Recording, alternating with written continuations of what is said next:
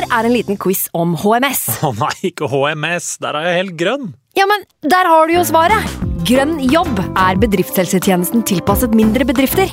Våre HMS-eksperter hjelper mer enn 8000 bedrifter over hele Norge med alt fra lovpålagte HMS-krav til pålegg fra Arbeidstilsynet.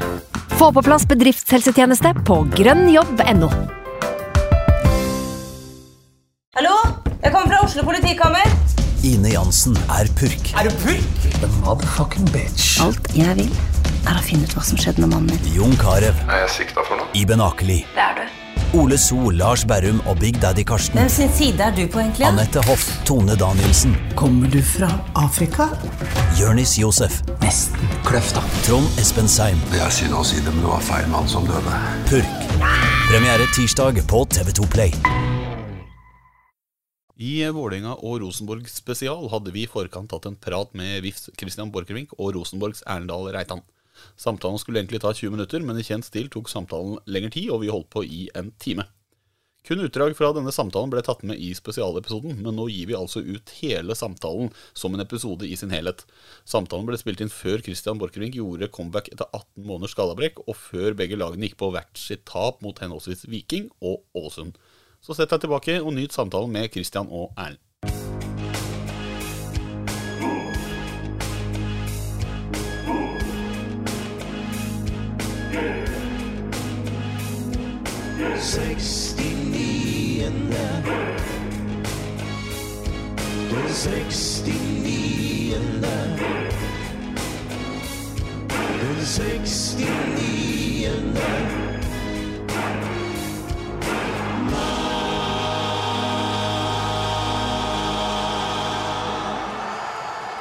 Desember 2021 ble Kjetil Rekdal ansatt som hovedtrener i Rosenborg. Svært mange var skeptiske til både person og fotballen han sto for. Men eh, hva var egentlig din første tanke?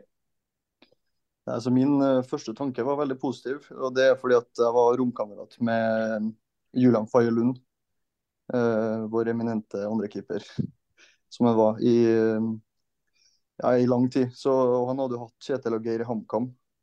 Så jeg husker at uh, sommeren før, da, et halvår før, så sa han det at det kommer aldri til å skje, men hvis uh, Kjetil og Geir tar over, så kommer det til å bli bra. Så vi snakka litt om det etter det, og plutselig så sto han der og var klar, så, så jeg var positiv. Uh, Men det var, det var jo veldig spennende. Det var jo noe nytt og helt ny eh, formasjon og ny rolle for min del, så, så det var Jeg var positiv. For eh, det var ikke akkurat eh, godt tatt imot blant alle i, eh, rundt Rosenborg. da. Jeg vil jo tro at de som var imot det, var kanskje de som snakka høyest da. Ja, det er Um, jo sånn. Også preseason gikk jo ikke akkurat all verden. Eh, Var Nei. du på noe tidspunkt skeptisk før sesongen, eller tenkte du at det her, det går veien?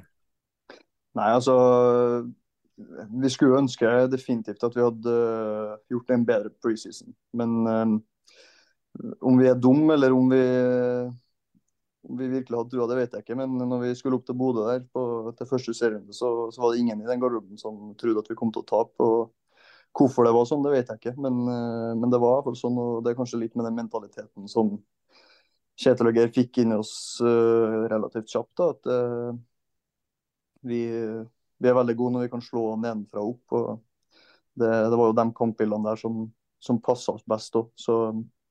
Det ja, Mista aldri trua på, på Kjetil og Geir den preseason, og det gjorde, det gjorde jeg heller ikke gjennom uh, våren i 2023 heller. Så det, det var sirkus uh, rundt oss, men, men innad så, så syns jeg det var veldig sånn, tro på prosjektet fra dag én. da.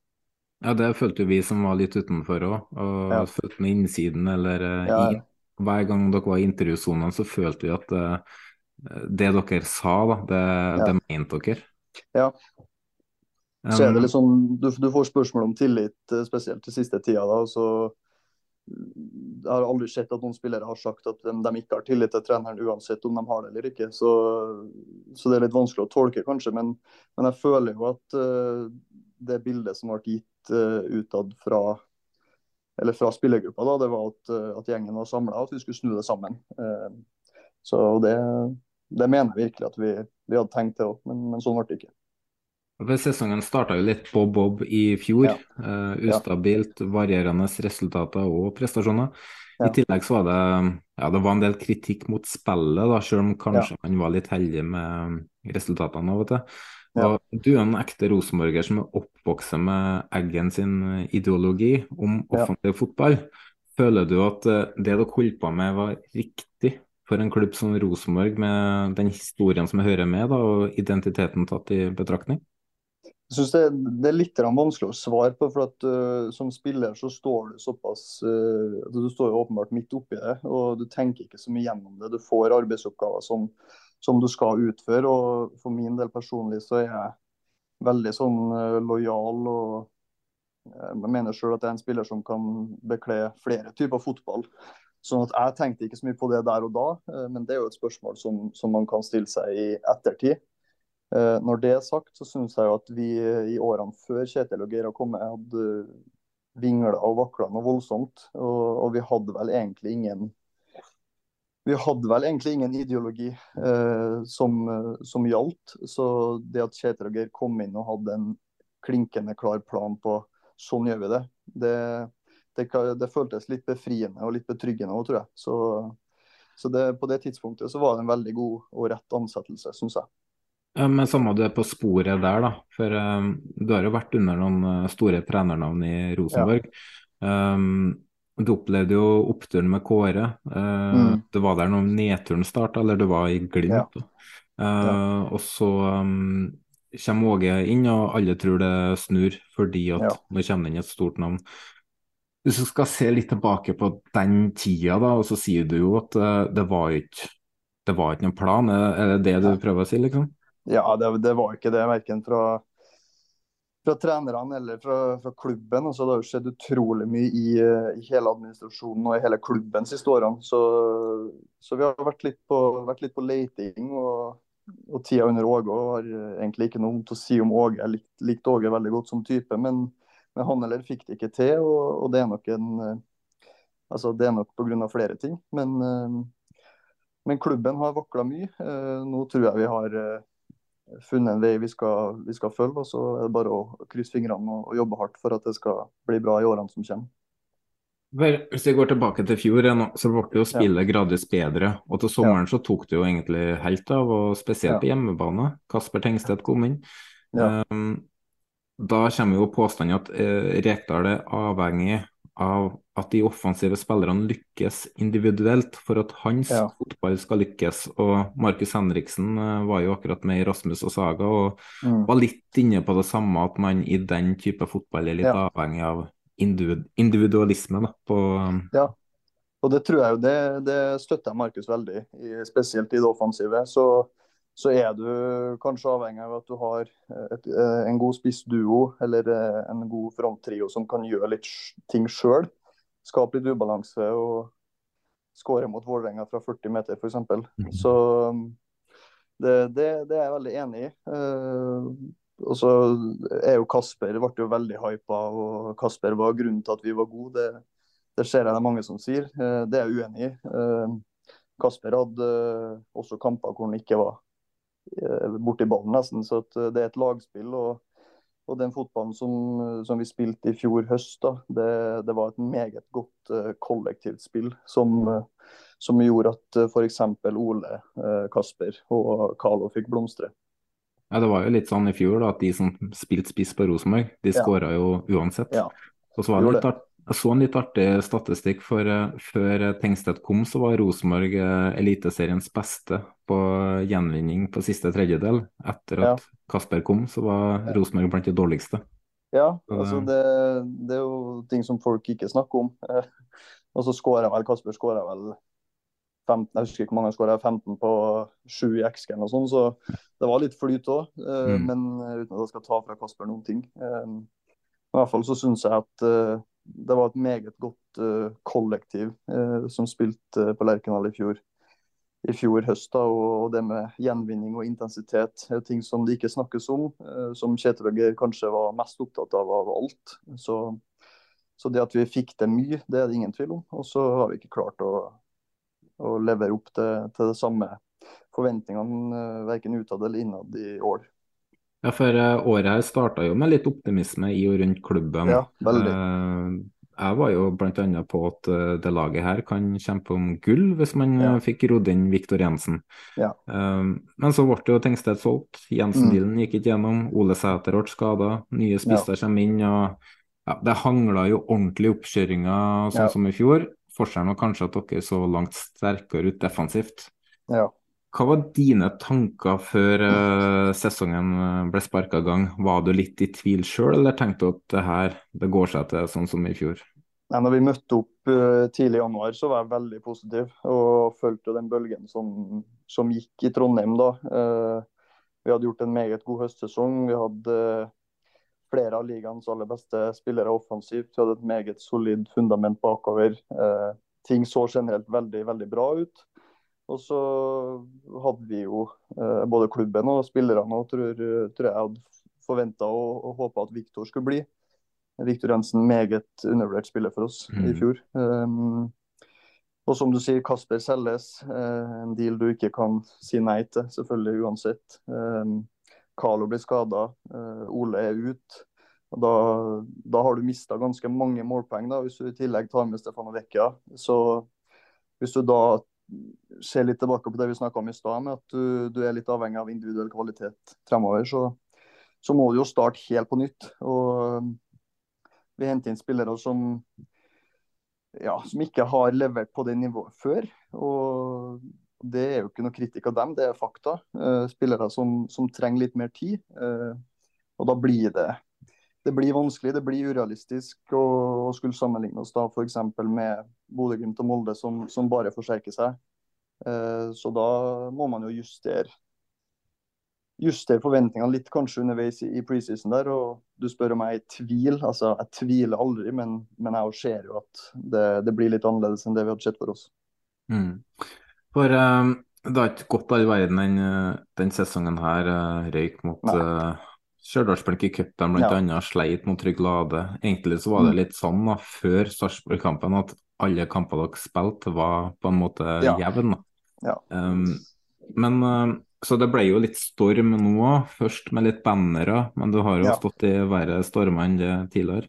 Ja, Men- det, Men så er det litt sånn at når du er Rosenborg-spiller, trønder, og ting går dårlig, og du er forsvarsspiller, da er det du, Mm. du og Markus som må stå i media etterkant. Mens når det går bra, så er det Ole Sæter. ja, det, er det. Eh, har det vært for deg å stå i akkurat denne stormen? ja, det har vært øh, Altså, det har vært tøft, helt klart. Eh, Det er mye trøkk. Det er veldig mange som skal ha tak i deg, og det er kritiske spørsmål. Uh, og så har jeg hatt en tanke sjøl om at jeg skal alltid være positiv, alltid prøve å bygge opp produktet i media. Eh, og da har jeg også sett at jeg har sagt ting som har provosert folk. Eh, min tanke har vært at eh, det, altså det føles liksom alt som har stått om Rosenborg har vært negativt. Så da trenger vi at noen snakker positivt om det. Så det har vært min, min tanke bak det. Og så er det ikke sikkert at jeg har truffet blink hver gang, men, men jeg prøver i hvert fall alltid å, å stille opp. Og det, det fortjener supporterne å få, få se spillere og trenere som, som svarer for seg, selv om vi, vi spiller dårlig fotball. For det, det har vi gjort. Hvis du skal se tilbake på den tida med Kjetil, det er sikkert eh, mye nyttig det dere som lag eh, kan ta med dere videre framover da, fra hans filosofi. Eh, Absolutt. Men var det riktig valg av Rosenborg å gå for en trener som spiller den type fotball, eller burde klubben ha søkt mer etter en offensiv anlagt trener som har mer fokus på det offensive spillet framfor motstanderen, nå sett i ettertid? Ja, altså Sett i ettertid så, så er det jo lett at folk svarer ja på det. Eh, jeg står for det jeg sa litt tidligere her, at på det tidspunktet vi, vi var på da, så, så hadde ikke Rosenborg noen ordentlig eh, plan. Vi hadde hatt trenere som, som vingla og vakla. Eh, vi trengte at noen kommer inn med en tydelig plan på, på hvordan vi skal gjøre det. og Da har det ikke så mye å si for spillerne om det er A, B eller C. Eh, på en måte. Vi, vi, vi trenger tydelige arbeidsoppgaver, og det hadde Kjetil og Geir. Eh, og så er det også litt underkommunisert, syns jeg, at Kjetil og Geir òg ønska jo å angripe, men de ønska å angripe på en litt annen måte enn det Glimt gjør, og Brann gjør, og for så vidt Vålerenga også. Så, så det er litt forskjellige typer fotball, men samtidig så, så ønska Kjetil og Geir også å skåre mye mål, og det gjorde vi jo i fjor. da. Men uh, vil jeg si at uh, du sier at de ønsker å angre på en litt annen måte. Uh, så har jeg prøvd å lese en del andre artikler og sett noen Ja. andre intervjuer, og da tolker jeg det jeg får med meg der, at de var kanskje litt for opptatt av hvordan de skulle hvordan de skulle såre motstanderen, da, hvor deres svakheter var, og så angripe der, framfor å ha et Ja. eget tydelig eh, mønster i eget spill. Da. Ja, det tror jeg nok eh, til en viss grad er riktig. Uh, Kjetil og Geir de er jo, det er jo kynikere. da. De, de ser jo veldig mye fotball, kan mye fotball og, og ser eh, og finner svakheter i motstanderen. Og, og jeg har ikke noe, noe problem med det. Men uh, utfordringa blir jo når vi kommer til Stabæk borte, f.eks. Uh, mot et lag som ligger veldig lavt. Da, da, det er jo vanskelig, og da er det tryggere og bedre tror jeg, for en spillergruppe å ha faste knagger som du, du vet du kan. Og det, det er nå litt den, den veien Rosenborg valgte da, og så har vi valgt en ny vei nå, eh, hvor det i enda større grad er fokus på, på oss sjøl. Og så får vi bare se i fremtida hva, hva som tar oss lengst. For nå har vi prøvd eh, den ene veien.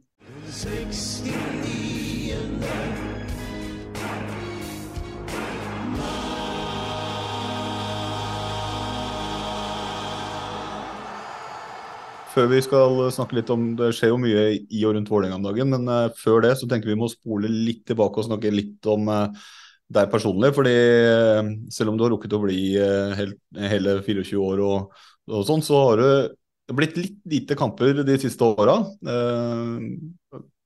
Eh, faktisk helt tilbake til eh, 2021 fikk din siste eliteseriekamp.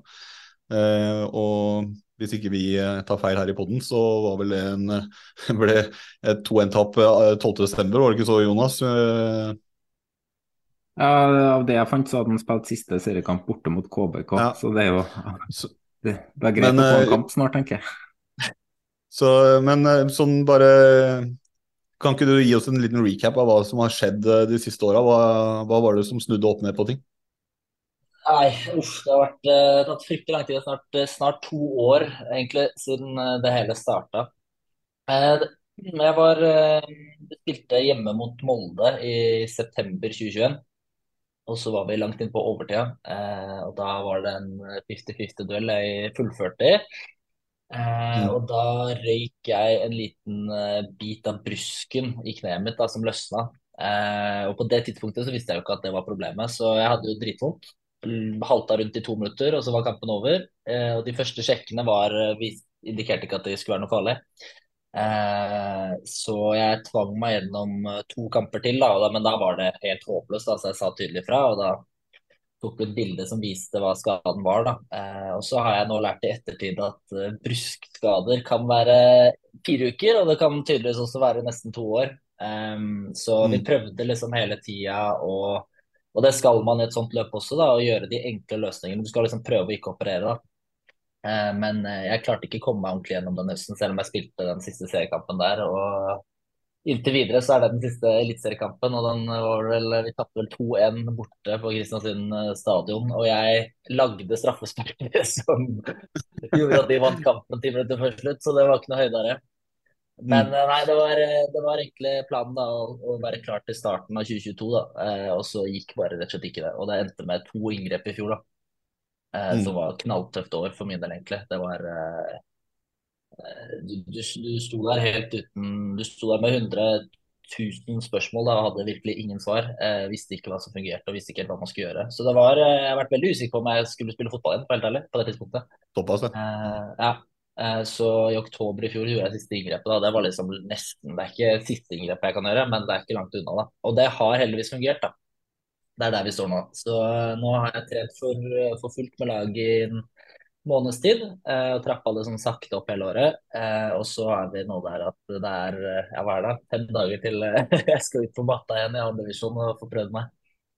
Mm.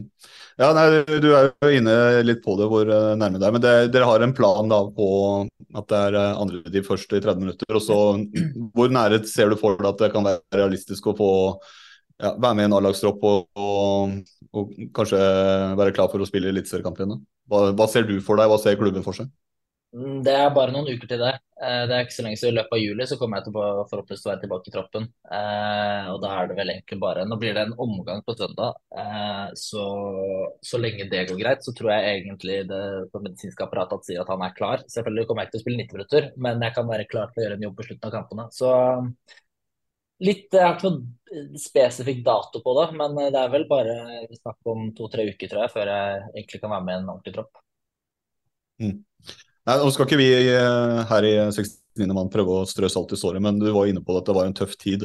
Altså, Jeg og Jonas vi diskuterte jo litt før, eh, eh, før denne innspillinga her om at eh, hvis ikke du hadde blitt skada, så er vi ganske sikre begge to på at eh, du sannsynligvis ikke hadde vært Vålerenga-spiller, at du kanskje hadde vært utenlands eh, vært i utlandet og kanskje til og med aktuell for landslag og sånn. Var sånn vi vurderte det. Men uh, var det sånne tanker som du eh, var innom selv, og eventuelt liksom glapp de tankene, og hvordan var det å deale med at du var på en veldig god plass når dette skjedde? da? Du hadde veldig bra kurve og eh, sånne, sånne ting. Men gikk du rundt og tenkte noe på det oppi alt dette? Det er jo klart det var bittert. Du følte jo at det var 2020-sesongen med bronse var en veldig bra sesong. Mm. Og så kom du halvveis inn i 2021-sesongen, selv om ikke den var perfekt. Jeg skulle gjerne trodd bedre, så følte jeg likevel at jeg var på et bra sted. da. Eh, og Nå sitter jeg på en måte på utgående kontrakt i 2023. Jeg hadde ikke noen tanker om å signere ny kontrakt eh, før den skaden her. Da var det jo egentlig det å egentlig prøve å komme seg ut i løpet av den tida der. Så klart det har jo endra veldig mye. Og det har, gikk jo egentlig fra sånn sett da, på en måte i hodet mitt gjøre det veldig bra for Vålerenga, forhåpentligvis få tilbud fra utlandet, til å egentlig håpe at man kunne spille fotball igjen. Eh, så det er jo på en måte å snu alt fullstendig opp ned, da. Eh, Men eh, nei, jeg var litt mer realistisk eh, her i dag. Mm. Nei, vi kan vel si på vegne av alle oss i poden her at vi håper at du kommer raskt tilbake uansett hvem vi holder med. Men uh, kjedelig at det er sånne ting skal sette deg tilbake. Men uh, med tanke på sånn utvikling og sånn, for du var jo som jeg var inne på, du var jo, du var jo up and coming, og det, det uh, tok steg liksom for hver gang vi følte du så deg på matta. Men hvor langt føler du du har satt tilbake med tanke på egen utvikling til eh, ja, å være den spilleren du var, og eventuelt eh, hvor du ser for deg hvor langt du kan nå nå, da, så nå som du på en måte ser eh, lyset i enden av tunnelen? Det har vært eh, 100 fokus på å bli frisk, for å være helt ærlig. Jeg har ikke helt tenkt Mm. på at jeg skal drive og dominere eller eh, komme tilbake akkurat der jeg var før skaden. Selvfølgelig så har jeg, har jeg lyst til å bli bedre enn det jeg var. Jeg spiller jo, jeg er jo på treninger nå med Vålerenga der jeg setter absolutt den samme standarden som jeg gjorde før skaden. Eh, og jeg føler jo fortsatt at det henger godt med og, og er på nivå, så jeg ser ikke noen noe grunn for at jeg ikke skal på en måte kunne fortsette utviklingen. Største forskjellen er vel egentlig alderen, at jeg har mista to år, eh, rett og slett. Og det å være en 22-åring som spiller bra i Eliteserien, og det å være en 24-25-åring, det, det er stor forskjell med tanke på um, å komme seg ut. da. Så det er jo på en måte synd for min del. Men eh, ambisjonene i forhold til å bli en bedre fotballspiller, da, helt uavhengig om du har lyst til å dra til utlandet eller ikke, de er der. Og det tror jeg kommer til å, Mm. å skje også. Ja, nei, men det, du, har, du har noen planer, det er bra. Det, det Ja. liker vi å høre. Men vi, vil vi kanskje switcher litt fokus eh, over på altså Du har jo stått på utsida av kalde Du har kanskje hørt eh, kallenavnet Vålerenga Kål og Kaos, selv om du ikke har vært så mye på Jeg har noen stickers eh, på, i kommoden bak her med Vålerenga Kål og Kaos. Ja. Det er jo passe beskrivende. men Kjært barn har mange navn, eh, Sirkus Vålerenga osv. Men eh, når du står på utsida eh, og ikke kan spille, ikke kan trene, hvordan er det å se på det som altså Det har jo vært turbulent en stund nå før vi kom hit vi kom nå med Fagermo som eh, takka for seg. Men hvordan er det å stå på utsida og, og se alt som ble sagt og skrevet, og eh, ja, ikke kan bidra i det sportslige osv.? Hvordan angriper du det? Nei, Jeg syns egentlig det har vært veldig mye verre eh, å, å stå på utsida sånn. Og så har jeg på en måte jeg jo, har jo vært i garderoben hver eneste dag liksom, under skadeperioden også. Eh, og så er jo kanskje det vanskeligste er at du på en måte mister litt stemmen din da, når du på en måte ikke er involvert. og du, du, du, du står ikke på en måte og ser på kamper og ikke er med på treninger. Så står du ikke og driver og skjeller ut folk eller på en måte Du kan ikke komme med like mye. Jeg føler altså, jeg følte meg litt sånn handikappa i den forstand. Um, Mm. Og så fikk jeg jo likevel med meg hva som skjedde i, i og rundt klubben siste året også. og Jeg har jo, når jeg først ble skada, så følte jeg at jeg trengte å gjøre litt andre ting. Så jeg ba jo egentlig klubben om å gi meg litt andre opp- arbeidsoppgaver også. Så jeg ble jo på en måte sånn sett bedre kjent med hele administrasjonen og resten av klubben. Eh, som jeg for kjente godt fra før også. Men, eh, men det, det endra jo litt perspektiv på det. Eh, og så fikk jeg jo med meg like mye. Det var fryktelig frustrerende å kanskje kjenne på det der at du ikke klarte å bidra like mye da, til å snu det. Mm. Ja, for det, for det var jo en periode der i, i fjor hvor det gikk ganske tungt sportslig, og så løsna det litt. og så eh, ble det rett og slett en ny, eh, ny sånn eh, periode tidlig i år.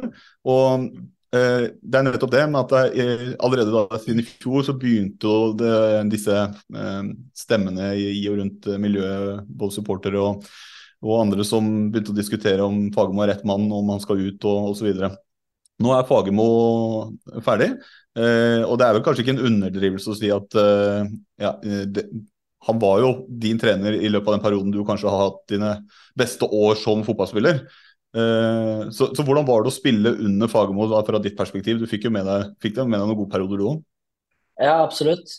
Jeg tror jo, jeg tror jo, altså jeg trivdes jo godt med det, jeg. Eh, han er jo på en måte en eh, Alle kjenner jo, som følger med på norsk fotball, kjenner jo til typen Dag Eller Fagmo. Eh, og sånn er han jo også. Så han er jo på en måte en, en sånn markant skikkelse, og en du må forholde deg til hver dag, så, så merker du han jo veldig godt. Eh, så det kan være at det tok på for noen, men eh, for min del så trivdes jeg jo godt med det. Jeg syns jo litt sånn som Erlend sa tidligere også for hans del i Rosenborg, da, at du trenger kanskje litt sånn i, i et system så trenger du noen spillertyper. Du trenger noen foran der som eh, kan skape litt ting. og Sånn tror jeg også det var litt for vår del. Vi, vi spilte på vårt beste med Osame eh, og Aron Dønnum på hver side på kantene. og det var liksom folk som, så Jeg spilte med Aron for meg, så kunne jeg gi han ballen, og så kunne han bare rett og slett åpne opp hele spillet på egen hånd. da.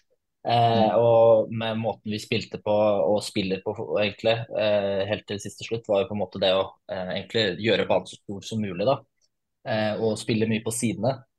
Og det krevde jo også at du hadde spillere som de to gutta som kunne, kunne løs, eh, løsne litt opp i det. Og nøste opp i det. Eh, så jeg tror kanskje at Eller en av grunnene, og jeg tror jeg, det er jeg helt sikker på, er jo at de to gutta forsvant. Og, at, eh, og de er jo selvfølgelig nesten umulig å erstatte, da. Men eh, de Mm. spillertypene mangla vel litt da, i de dårlige periodene.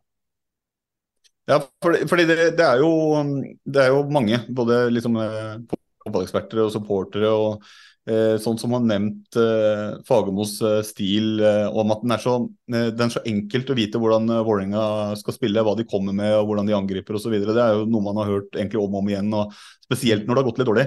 Er, det noe, er det noe sannhet i, det, opplever du det sånn? Er det, er det enkelt å, å forberede seg mot Vålerenga under Fagermo? Jeg tror, nei, jeg tror alle visste hvor godt Det var jo, det var vi helt, eh, visste vi godt selv også. at det var, Jeg tror alle lag visste hvordan vi kom til å komme, men det var liksom ikke helt fokuset vårt. Fokuset vårt var likevel at vi på en måte skulle spille så bra i systemet at det skulle ikke ha noe å si. Eh, og vi skulle Mm. spille med liksom en intensitet. Eh, jeg tror på en måte på vårt beste i 2020 og ja, deler av det vi har gjort de siste åra også i ettertid, så tror jeg på en måte vi kanskje ligna mer på type Brann og eh, og ja, Vi var ikke på Glimt-nivå, da, men vi, vi dominerte i hvert fall mye mer. da. Eh, og så tror jeg kanskje vi har vært eh, jeg tror spillergruppa som må tatt seg litt ansvar. For jeg syns ofte at i kamper med eh, der vi har møtt god motstand, da, eller der hvor det på en måte har vært Lillestrøm-kamper eller andre kamper som bare du, du, du trenger ikke noe ekstra motivasjon, så har vi vært eh, veldig gode. Og så har vi ikke vært like gode i de andre kampene. Eh, men så var vi likevel kanskje litt dårlige på å omstille oss da, eh, etter at Osame og, og Aron forsvant da, i forhold til eh, hvordan vi spilte under Fagermo. Jeg tror eh, det er helt åpenbart da, når du har sånne type kanter som var så mye involvert og skapte så mye at du må endre litt eh, på, på ting. da, Og det tror jeg kanskje vi var litt for dårlige på. Mm. Ja, for det leder meg egentlig litt over til det at eh, han er jo ferdig. eh, Men hvor gikk det galt for Fagermo og for Fagermos Vålerenga, egentlig? Det, det, har du noen tanker om hva, hva var det som gjorde at det ikke funka, når man sitter her med fasit i hånd på at han er ferdig? Det er jo Vålerenga kold og kaos, da. Jeg tror jo en ting er Fagermo, men, eh, men jeg tror vi må liksom stikke fingeren litt i jorda og se hva rammer det rundt her nå.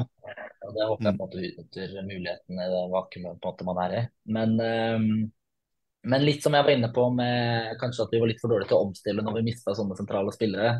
Eh, litt lite kontinuitet underveis i perioden her også. Første året så hadde vi en eh, en egentlig en veldig sterk stall i 2020, og så mista vi vel sånn seks sentrale spillere. da, Det var spillere som ja, Bård Finne blant annet, og Felix Myhre og sånn, som nå spiller fryktelig bra for Brann. Eh, spiller med masse kamper i Eliteserien og, og eh, som da satt mye på benken, egentlig. Eh, så vi hadde en, kanskje en større bredde, da, eh, og erstatta ikke dem med like mange spillere. Vi henta færre, men kanskje ja, bedre eller like gode, da. Eh, så vi mista litt der. og så Eh, litt dårlig på å omstille i forhold til spillertyper og spillestil. Og, og så tror jeg det har mangla litt eh, sånn kontinuitet, og det går egentlig for meg i alle ledd. Altså, eh, gjennom, gjennom, klubb og spillere, spillerstall osv.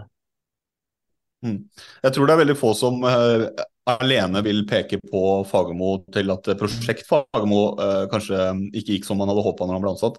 Uh, han er jo ikke den første som har ikke nådd målsetningen sin med Vålerenga, og kanskje heller ikke den siste, sånn som mange snakker om. Men vi diskuterte litt om at Vålerenga per nå kanskje er en av, om ikke den vanskeligste fotballjobben i Norge per i dag. Fordi det er en del ting som virker litt uavklart. Eh, og hvis man først skal liksom oppnå det helt store, f.eks. se på Bodø-Glimt, så er man avhengig av at hele klubben trekker i samme retning. Og så er det mye stemmer i og rundt som ja, kanskje tyder på at eh, det ikke alltid har vært tilfellet i Vålerenga. Uh, hva tenker du rundt sånne type utsagn om at man setter setter spørsmålstegn rundt med om alle i klubben trekker i samme retning osv. Hvordan håndterer dere det nei, i, i, spillergruppa? Ja, nei, altså For spillergruppa sin del så handler jo det, det kan på en måte ikke vi drive og la, tenke for mye på. da, eh, Legge oss for mye opp i. Mm. Jeg tror liksom spillergruppa er, Selv om man spiller for en, en, klubb og et stort lag, så er det liksom spillergruppa er én en enhet. Og i den spillergruppa så er det liksom dønn lojalitet, og der skal man liksom tenke på de eh, arbeidsoppgavene man kan gjøre noe med. da. Eh, men, men, så jeg, jeg, føler ikke at det har Selvfølgelig det har vært slitsomt, men, men og gjort det litt ekstra ekstra komplisert. Men, men i utgangspunktet syns jeg ikke det for spillergruppa har vært for vanskelig. Men jeg tror jo, jeg tror det er mye rett i det, det, du sier, da, i forhold til at det har vært mye eh, surr at vi ikke helt trekker i samme retning og sånn. Jeg tror på en måte vi hadde fått det til bedre hadde vi vært en større enhet. Eh, og sånn sett så håper jeg på en måte nå også at Eh, vi benytter den muligheten her til å sette de retningslinjene. Det er veldig vanskelig å Vi har jo ansatt Dag Eiliv, vi har ansatt Ronny Deila før det, og det var på en måte hovedtrener med store navn og som virkelig trengte å sette sitt eget DNA på ting. Da. Så Dag Eiliv kontrollerte veldig mye.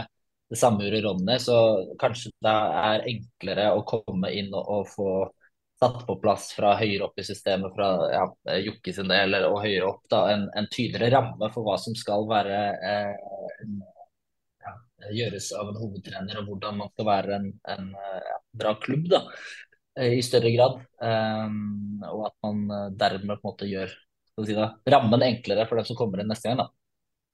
Mm. Ja, fordi Apropos, vi skal snart hoppe over til de neste delene. Så bare runde med at uh, Uh, Syns du selv at det var riktig tidspunkt av klubben å, si takk til Fagermo og gå på noen andre, eller det, burde man starta på et annet, uh, annet, plan og sett på noen andre, andre løsninger? Ja, nei, jeg tenkte jo, vi var jo på måte, Det var ikke like kritisk i fjor. Eh, for et år siden det hadde en dårlig sesongstart, og så klarte vi å snu det. Og så så man ikke helt den utviklingen likevel. Vi stagnerte utover høsten, og så vi en, har vi hatt en, et dårlig 2023, rett og slett. Og når styre og stell først fant ut at man, det var den retningen det tok, så tror jeg på en måte timingen var bra i forhold til at vi er nå i den sommerpause, sånn at du får tid til å omorganisere litt. Eh, så Sånn mm. sett så tror jeg det var, eh, var greit. Men, eh, men klart det er jo Ja. I det perspektivet i hvert fall så det, var det riktig timing, tenker jeg.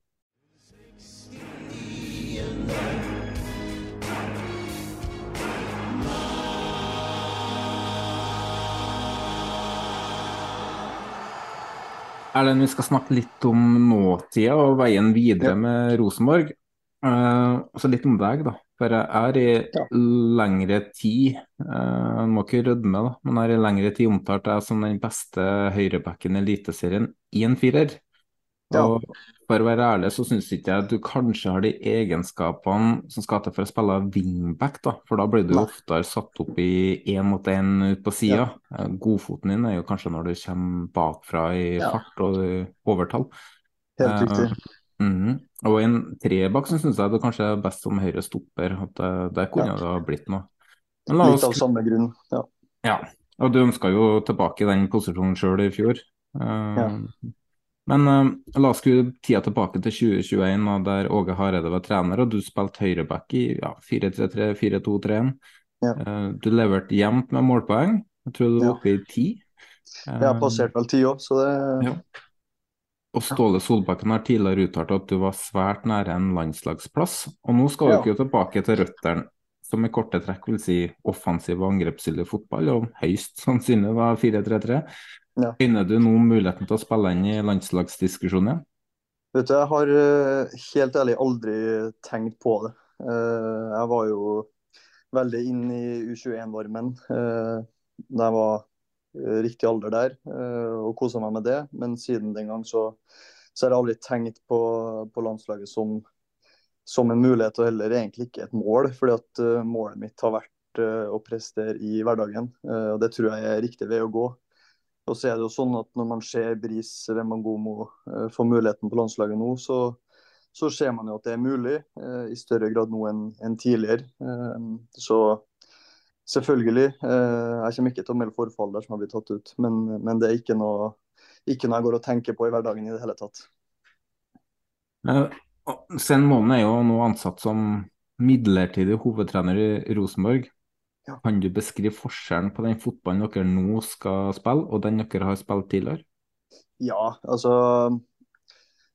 Prinsippene er i og for seg eh, ganske sammenlignbare. Eh, det ønskes, eh, altså vi ønsker å spille eh, hurtig, angrepsvillig eh, fotball i lengderetning. Det ønsker også Kjetil og Geir i 3-5-2, men, men jeg tror at det er en, en, type fotball som er enklere å gjennomføre i 4-3-3 eh, eller 4-2-3-1, fordi at du har litt mer naturlige vinkler. Eh, og, selvfølgelig òg for min del og, og, ganske mange andre sin del i den Rosenborg-klubben, så, så, er det fotball vi har spilt veldig mye av. Eh, veldig mange som kjenner systemet og som, som kjenner hverandre òg. Så, så, det at eh, vi kommer til å få en, en opptur eh, rent underholdningsmessig, og også at vi kommer til å, å, ta steg i den fasen av spillet, er jeg helt sikker på. Så, så det, det, er tilbake til røttene. Det er 4-3-3. det er litt, litt, den samme fotballen som, som Kåre kom med eh, i ja, 15-16 eller når det var. Eh, så, så det, det, blir veldig spennende. Ja, for det er jo, Du sier jo det at du ønsker å spille i lengderetning og du får mer naturlige vinkler. Det er jo derfor jeg er glad i ikke nødvendigvis 4-3-3, for det kan så lenge det er en treer på midten, tenker jeg da. Men eh, ja. For det jeg savna mest, er jo muligheten til å komme på overtall ut på sida. For det har vi jo ikke sett omtrent. Jeg syns jo veldig ofte i, i det trebacksystemet treback-systemet vårt, når vi, når vi vendte side, og da har jeg spilt mye wingback eh, siste par, eh, par årene, så, så, er du veldig alene. Eh, og, og, det er jo litt sånn som med meg som spillertype òg, som jeg kanskje prøvde å formidle litt til, til Kjetil og Geir òg. At hvis, hvis, vi skal, skal, spille på den måten her, så må vi spille med, med wingbacker som i større grad evner å gjøre ting sjøl. Mm. en sånn type er ikke jeg. Uh, andre, altså sånn som Emil Seid f.eks., hvis han hadde vært der, uh, tror jeg jo kunne ha gjort en, en fin jobb som wingback med en solid stopper bak seg. Så det er litt sånn med godfoten òg. Vi må se på hvilke typer vi har. hvor er folk best? Hvor har vi størst sjanse til å sette opp spillere i, i, posisjoner der de er best, og situasjoner der de er best. Så, um, så jeg har veldig trua på at det kommer til å bli bra. For deg som har spilt både vi har vært inne på det, høyre stopper og wingback. Hvor stor ja. omstilling er det for deg nå å skal spille høyre back igjen? Jeg tror om mulig så er det den posisjonen som er det største endring. da, Fra å spille wingback slash stopper til å spille en ren back. Og det er jo ting som eh, altså Det er mye mer rom å dekke, og i større grad så må du passe på rommet bak deg. Eh, når du spiller en femmer, så kan du egentlig ganske ukritisk støte opp og ut da, på, på, folk foran deg. Mens nå må du bruke hodet litt mer og, og kanskje i større grad eh, akseptere at de får holde på foran deg og på utsida av deg.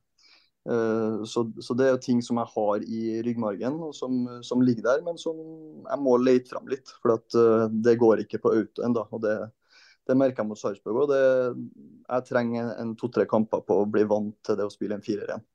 Ja, for det gjelder, jo flere. Uh, ja, ja. Det var flere som mente at uh, her er du ute og sykler på 1-0-målet, men ja. det er jo hele forsvarsrekka. For... Det hele forsvarsrekka, og hvis du Jeg skal ikke drive og forsvare meg sjøl, jeg driter i, kritikk, men hvis du fryser bildet i det innlegget blir slått, så, så ser du at hele fireren ligger jo feil. jeg og Markus står med hver vår mann, og så står det i tillegg to Sarpsborg-spillere bak meg. Mm, det så da, da, er vi jo i trøbbel allerede der. Også... Dere, dere, er fire, eller tre mot fire på linje der. Ja. Og er Yttergård. Jensen står egentlig og forsvarer seg akkurat like som han ville ha gjort i en femmer. Ja. Og jeg gjør også det. Så jeg mangler en Mm. wingback bak meg, bare. Mm, ja. Så- egentlig du mangler to bak deg der òg. Ja. Så, så det er nok uh, litt faren med å gjøre uh, såpass store endringer som, som Svein har sagt at han skal gjøre. At det vil være situasjoner som, som er uvant for oss spillerne, men, men det der kommer til å komme. og F.eks. til helga mot Ålesund. og så, så løser vi jo det med at uh, jeg, eller at Ulrik kommer lenger inn. og Nå blir det ikke Markus, da, men, men at stopperen At vi hopper et ledd bak, så, Mm. så har vi kontroll på den. Ja.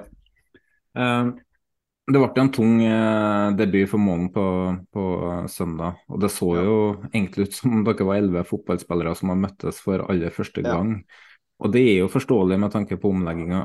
Men hvor lang tid tror du det kan ta før dere er på det nivået dere skal være for å Ikke for å vinne ligaen, men Nei, for å være konkurransedyktig i Eliteserien? Det er veldig skummelt å drive og sette noe sånn tidsperspektiv. Vi vet jo at vi har dårlig tid, sånn eh, generelt. Um, Sarpsborg-kampen er er jo Altså, vi taper fullt fortjent. Vi taper mot et veldig godt Sarpsborg-lag. Men likevel eh, så er det ting som ligger litt latent der. Som eh, altså ganske mye marginale situasjoner hvor vi, hvis vi løser Altså Hvis vi er litt mer presise eller velger et litt annet valg i de ulike situasjonene, så vil vi kunne skape store sjanser. Og Istedenfor så mister vi ball, og så skårer Sarpsborg. Og Plutselig så har de skåra to mål på to minutter, og da er jo kampen ødelagt. Så at eh, vi, vi taper fortjent, men likevel så sitter vi med en følelse av at det er små justeringer og, og litt mer eh, trygghet i rolle, som, så vil det se ganske annerledes ut. Så vi håper jo at det allerede til helga vil, vil se mye bedre ut enn det gjorde- nå på søndag. Er det, altså Sarpsborg er jo et veldig bra fotballag. Ja, det det. jeg mener jo at de er jo én spiss unna de og kunne kanskje ha utfordra Glimt til toppen. Men eh, var det da kanskje litt naivt å ta imot Sarpsborg med de forsøkene på frispilling bakfra, f.eks.? Ja, kanskje. Altså ikke til forkleinelse for Ålesund, men hadde vi hatt Ålesund i første matchen eh, med nytt system, så, så tror jeg at Ålesund ikke er like skarp som Sarpsborg til å kunne straffe oss. eh, og at da vi ville ha fått litt mer ro og litt mer eh, rom for å gjøre feil. Eh, så kanskje hadde det sett annerledes ut hvis vi hadde møtt et, et svakere lag. Men om vi skulle ha tatt mer hensyn, kanskje. Eh, det er lett å si etterpå. Det er klart, skårer Skårer vi først, eller skårer vi i den jevne perioden før Sarpsborg skårer, så, så vet vi at mål preger kamper. Da kan det se annerledes ut. Så Det er vanskelig å si, men kanskje. For noen år tilbake så hadde dere spillere som var ganske frittalende i, i media. Det, Ja. dere, har jo, dere har Ole Sæter ennå. Ja. Um, Kjetil Rekdal omtalte jo vel Kjetil eh, Sæter som en uh, kenguru i et minefelt. Men uh, Ja. Nå skal, skal du få en oppgave av meg. Du skal få leke litt uh, sportsdirektør, og så kan du egentlig bare drite i alt som uh, Jørgen eh, Stenseth har lært deg på mediaskolen. Uh, og Ja, heller svar mottatt. fra, svar fra levra. Vær hadde, litt hadde eh, vel en tidligere spiller som leka sportssjef. Han uh, gikk til Lillestrøm. Ja. Så Jeg nå husker kan, at det du, ble bråk. nå kan du prate inn i Lillestrøm, med andre ord. Ja. Jeg får la oss si at du er sportslig leder, da. Og så, Ja. Så har du en oppgave å finne en ny trener, og målen er da ikke et alternativ. Hvem Nei. hadde stått på blokka di nå? Målene er ikke et alternativ. Da hadde jeg hatt uh, Kjetil Knutsen øverst. Mm. Jeg vet, altså, jeg, jeg kjenner Kjetil. Jeg vet at han uh, innerst inne har litt lyst tror jeg, til å prøve Rosenborg. Det tror jeg. Uh, kanskje. Men eh, ellers så er Gjerstad vanskelig, da. For at eh, altså sånn type Sifuentes Um, Jeg har ikke følt med han i Sverige i det hele tatt. Uh, men, men Sandefjord spilte en veldig uh, god fotball, syns jeg, med spillere som kanskje ikke var dyktige nok til å straffe de beste lagene. Uh, så en sånn type. Eh, Billborn, selvfølgelig. Eh, Gaute i Tromsø tror jeg er veldig flink. Um, Men spiller Gaute den, har han den evnen til å spille den fotballen som eh, de på Øvre Øst da krever, det da komme nye bannere? ja, da er vi jo tilbake med det 3-5-2, 3-4-3-kjøret, da. Så det er jeg usikker på. Men uh, type fotball, det er jo helt klart riktig. Uh, spiller jo en veldig angrepsvillig og moderne type fotball, syns jeg. da. Uh, men så, så, med meg som sportssjef så ville jeg hatt Gaute på den lista, i hvert fall. da. Um, utover det så syns jeg det er vanskelig. Jeg har ikke så stor kjennskap til, til trenere utenfor Norge. Um, men det finnes helt sikkert noen svensker og dansker som er dyktige. Jeg husker jo Stefano Vecchia snakka veldig varmt om han Rydstrøm før han gikk til Ja. Malmö. Han har jo stått på alle listene til Jokke Jonsson når han var, Ja. jobba i Eurosport. Det vil jeg tro. Så Eh, Så det er sikkert vært... noen flere sånne typer. Ja. Så der jeg jobba i Sandefjord i akademiet og Sifuentes var der, og av ting jeg vet, så ville jeg ikke han ha stått på min liste. Nei. Uten å gå i dybden der. Men eh, Jeg, har- altså, jeg har jo kun, eh, kun utenfra-informasjon. Jeg har jo ingen, jeg kjenner dem ikke. Kun eh, egne erfaringer som motspiller. da. Nei. Eh, tidligere så har du jo spilt under Kjetil Knutsen, og det snak der snakkes det jo hele tida om prestasjon og ikke resultater. Vi var jo oppi der og hadde en uh, livepod med brødrene, brødrene Berg, blant annet. Og, Hørt rykter om den livepoden der, ja. ja. og de hadde jo klart å hjernevaske uh, Ørjan nå til å bare snakke om prestasjon, ikke resultater. Men uh, føler du at det har vært for lite fokus på akkurat det i Rosenborg de siste årene? Eller at det blir Ja, for resultatorientert? Ja. Og det er jo litt som det er i Rosenborg. Eh, Det er en veldig Eller det er omgivelser som er veldig resultatorientert. Det- er et helt sinnssykt krav om at det skal det skal vinnes, og det skal vinnes gull. Og hvis du vinner gull, så skal det vinnes gull på riktig måte neste gang. Eh, Så det er et veldig stort resultatfokus i Rosenborg. Men jeg tror at eh, spillergruppa og med trenerteam da, i, i større grad kunne hatt fokus på, på prestasjon. Det er ingen tvil om at det, det er gode prestasjoner over tid som, som gir best resultat og mest utvikling. Så det, det er det ingen tvil om.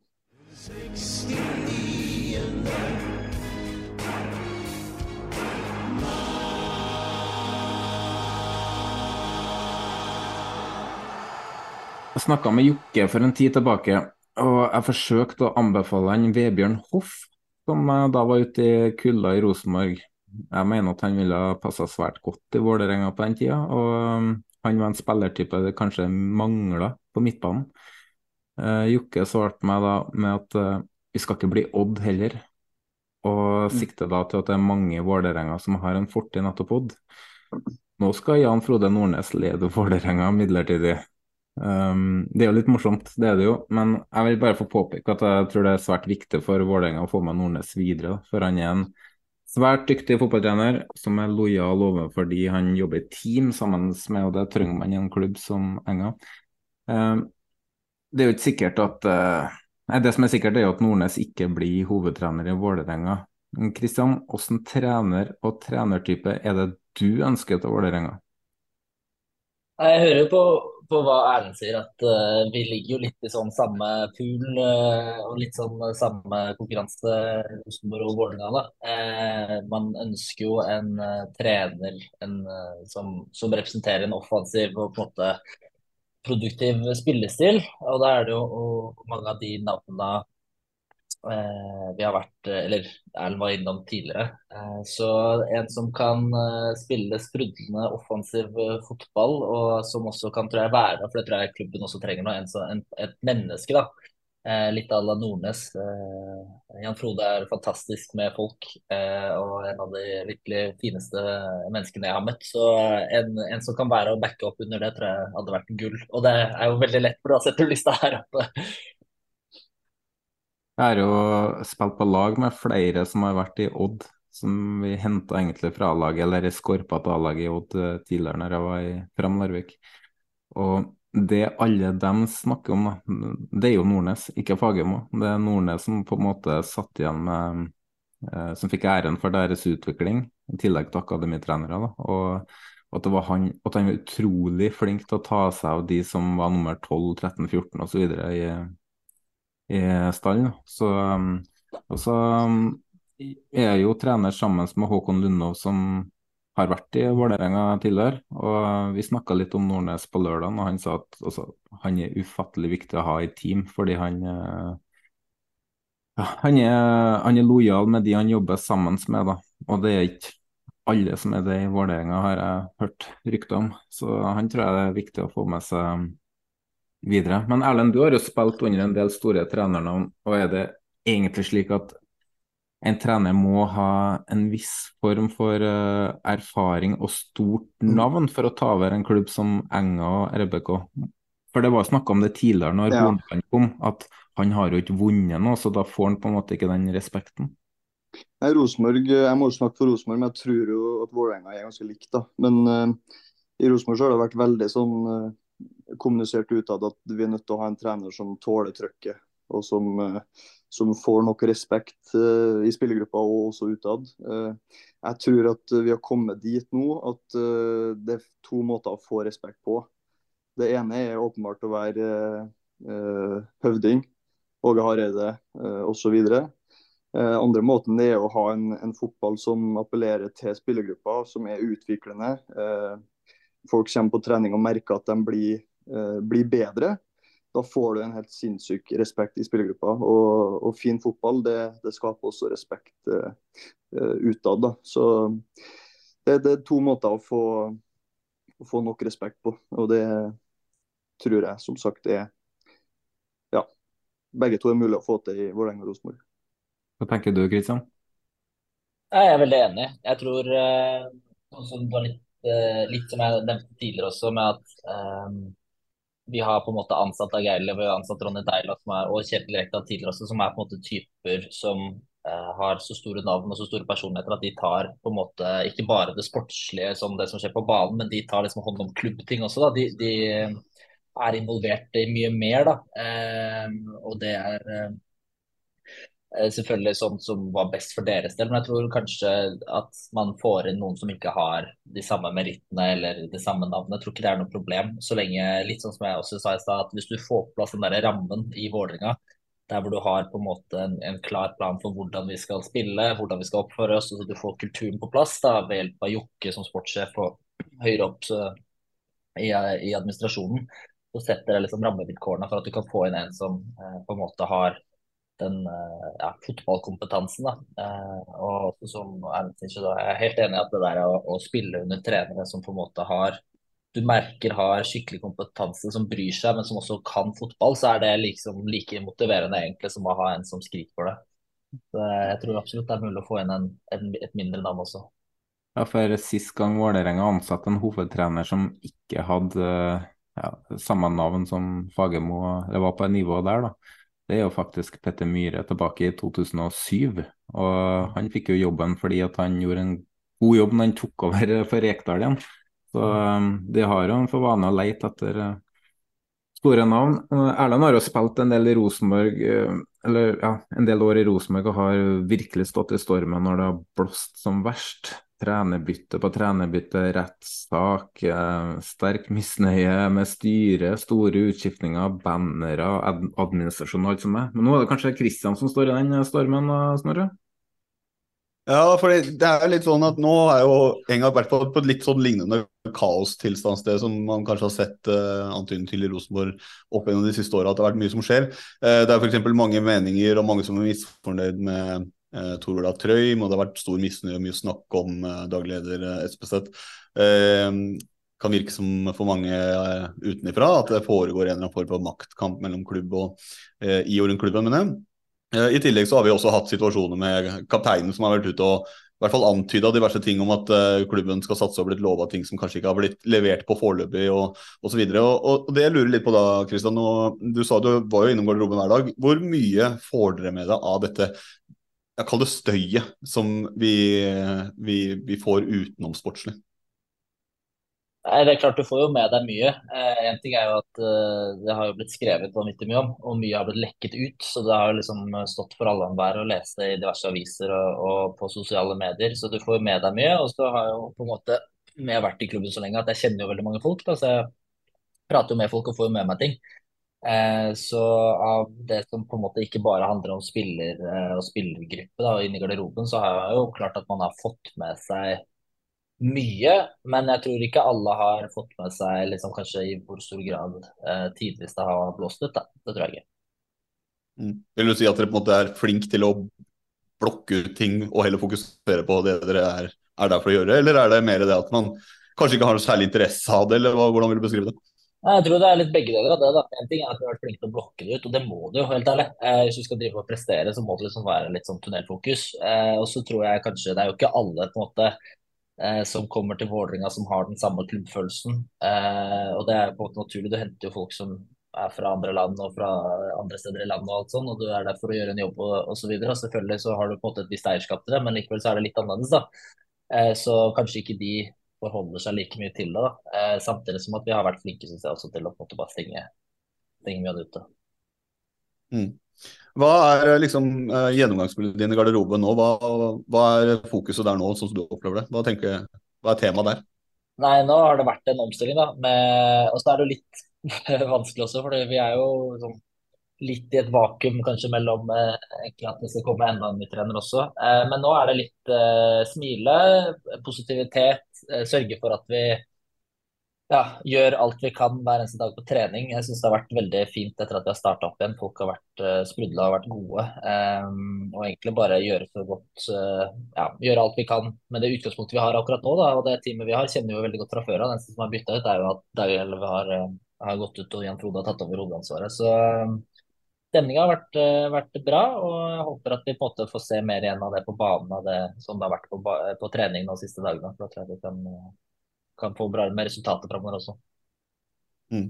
Jeg så jo også det um, samtalen du hadde med, med Tina Wulfer eh, om eh, når du lanserte ditt uh, comeback for andrelaget. Uh, og da nevnte du også at uh, intensiteten og, og, temperaturen hadde blitt litt høyere etter at du hadde vært med, begynt å være med på spilleøkene, og du hadde kjefta og smelt litt, og du hadde fyra opp litt uh, resten av gutta. Var det, var det sånn du forsto? Nei, jeg, jeg, jeg, ikke, jeg, synes ikke at det var det jeg kanskje syntes det kom ut som også, men det var egentlig, jeg synes jo ikke at det var som at jeg kom tilbake på trening, og nå var alt veldig mye bedre. Nei, nei. Sånn. Men, det var ikke sånn, men, nei, nei, det var det ikke. Men det er klart altså, jeg smeller jo når jeg er med, da. Eh, men vi har jo på en måte hatt fokus på det også nå. at det må på en måte være, og det var litt sånn De øktene vi hadde forrige uke også, var på en måte kampøkter. Mye spill, og da blir det jo temperatur. så det var veldig gode økter. og så den eh, ene økta der, så ja, det var Oldrup var ikke så fornøyd med meg, Bjørdal var ikke så fornøyd med meg, Juklere skjelte meg ut. Så det var det var ganske sinna da. Men nei, temperaturen har vært bra, den. Ja, jeg, jeg, tenkte jo ikke på at det var sånn at her kommer, kom, kom her Christian Borchgrevink og bare ordner Nei. alle Vålerengas problemer på treningsfeltet. Det var ikke sånn, men jeg bare tenkte det som stemningsrapport på om gutta var eh, påskrudd nå før eh, Jo, ja. men det, da har du tolka det riktig, for det, det er det. første. mm. eh, det var mange som sa det der var liksom nikka litt til hverandre og syntes nå var vi Sånn skal det være liksom hver dag. Mm. Eh, helt, til, eh, helt, til, slutt her. Det er mye som skjer. det er både varsla et eh, ekstraordinært styremøte for å få inn et eh, ny nestleder, og det skal trenerjakt, og det har vært medlemsmøte osv. Eh, men nå står Vålerenga på et sånt sted hvor mange lurer på hva blir veien videre nå. Og Fram mot 2028 så har jo Trøim selv sagt at da er planen at Vålerenga skulle stå på egne bein i Vesterfritt.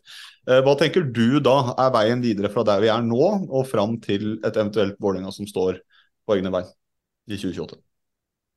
Ja, um, det var jo et jævla bra spørsmål. jeg skulle ikke hatt det perfekte svaret òg. Men eh, nei, jeg mm. tenker jo akkurat der vi er nå, så handler det liksom virkelig eh, om å på en måte forene klubben litt. Eh, og alle etasjene som er fra nullte etasje der vi spiller fotball, og til femte etasje der vi, vi er i administrasjonen. og på en måte, Det er jo litt sånn som når du, når du gjør endringer, sånn som vi har gjort nå med å, sparke Dag Erling, så er det også mulighet til å på en måte utnytte seg litt av det momentet man får på en måte til å endre. da. Og kanskje spille mm. enda mer på de klubbverdiene. og Jeg håper at vi kan bli enda flinkere på det i Vålerenga også. på en måte Skape et større eierskap for alle. da, Vite liksom hva man er med på. Eh, og så er det jo selvfølgelig superkomplisert uh, dette her med Jeg har prøvd å forstå hvordan det funker med denne samarbeidsavtalen med, med AS som vi har med Trøim.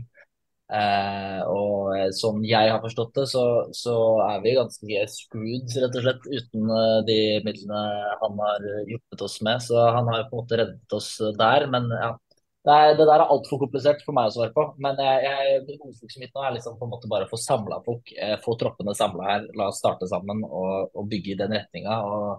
Litt som det har vært prata tidligere på poden her, å tenke liksom nå er det prestasjon på en måte kanskje bygge kultur og tenke på prestasjon, og så kommer resultatene om et år eller to.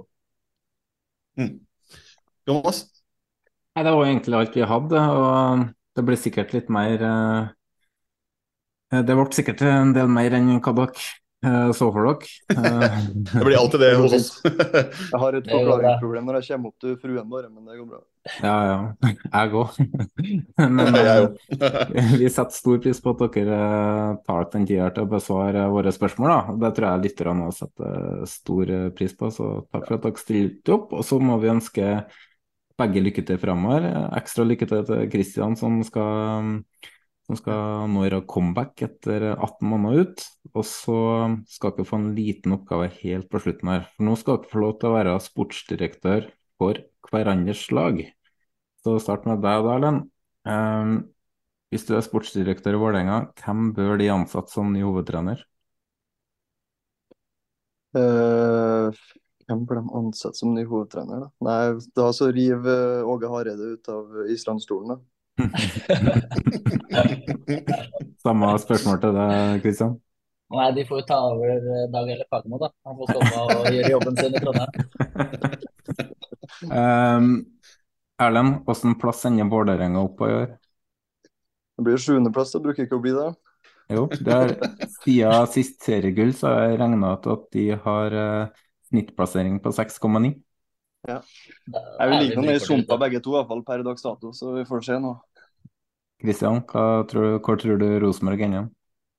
Nei, de får vel eh, være litt sånn midt i sumpa, de også, sammen med oss. da. Så vi kan ta 20.-plassen, så kan de ta 8.-plassen. da. Ikke sant? Ja, fint.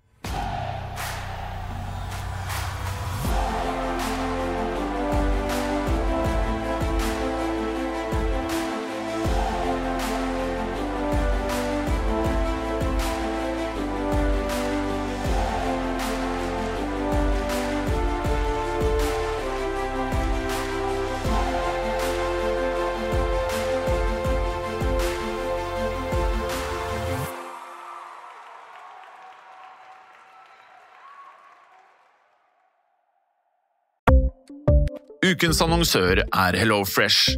HelloFresh er verdens ledende matkasseleverandør og kan være redningen i en travel hverdag. Mange av oss har nok vandret i butikken både sultne og uten en plan for middagen, som ender med at vi går for de samme kjedelige rettene gang på gang. Middag burde være dagens høydepunkt. Som HelloFresh kan du nå velge mellom 25 ulike retter hver eneste uke, eller få HelloFresh til å sette sammen menyen for deg. Dette gir deg muligheten til å prøve nye og spennende retter alene eller sammen med familien. Du velger antall porsjoner og får alt levert på døren på et tidspunkt som passer for deg. Oppskriftene er enkle, og maten er lett å lage både for store og for små. Ved å få alt levert hjem får du også mer tid til å dele matgleden med familie og venner. Kanskje det frister med asiatiske tacos eller greskinspirert kylling? Da kan jeg anbefale deg om å gå inn på hellofresh.no. Her kan du bruke koden FOTBALL og få opptil 1779 kroner i rabatt på de første fem matkastene hvis du ikke har prøvd HelloFresh tidligere. Du kan også bruke rabatten hvis du har vært kunde og stoppet abonnementet ditt for tolv måneder siden eller lengre. Gå inn på hellofresh.no og bruk koden FOTBALL.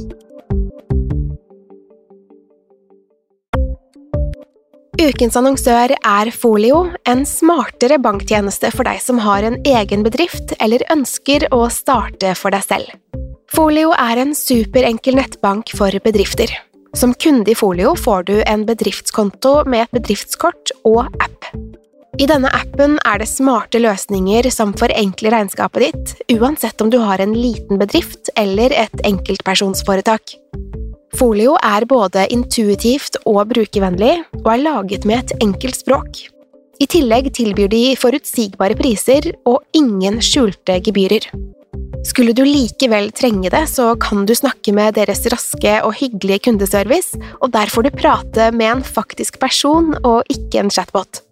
Folio er med andre ord både enklere og koseligere enn banken.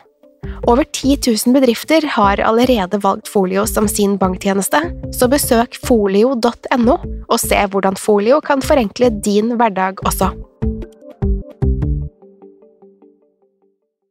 Har du et enkeltpersonforetak eller en liten bedrift? Da er du sikkert lei av å høre meg snakke om hvor enkelt det er med kvitteringer og bilag i fiken, så vi eh, gir oss her, vi. Fordi vi liker enkelt. Fiken superenkelt regnskap.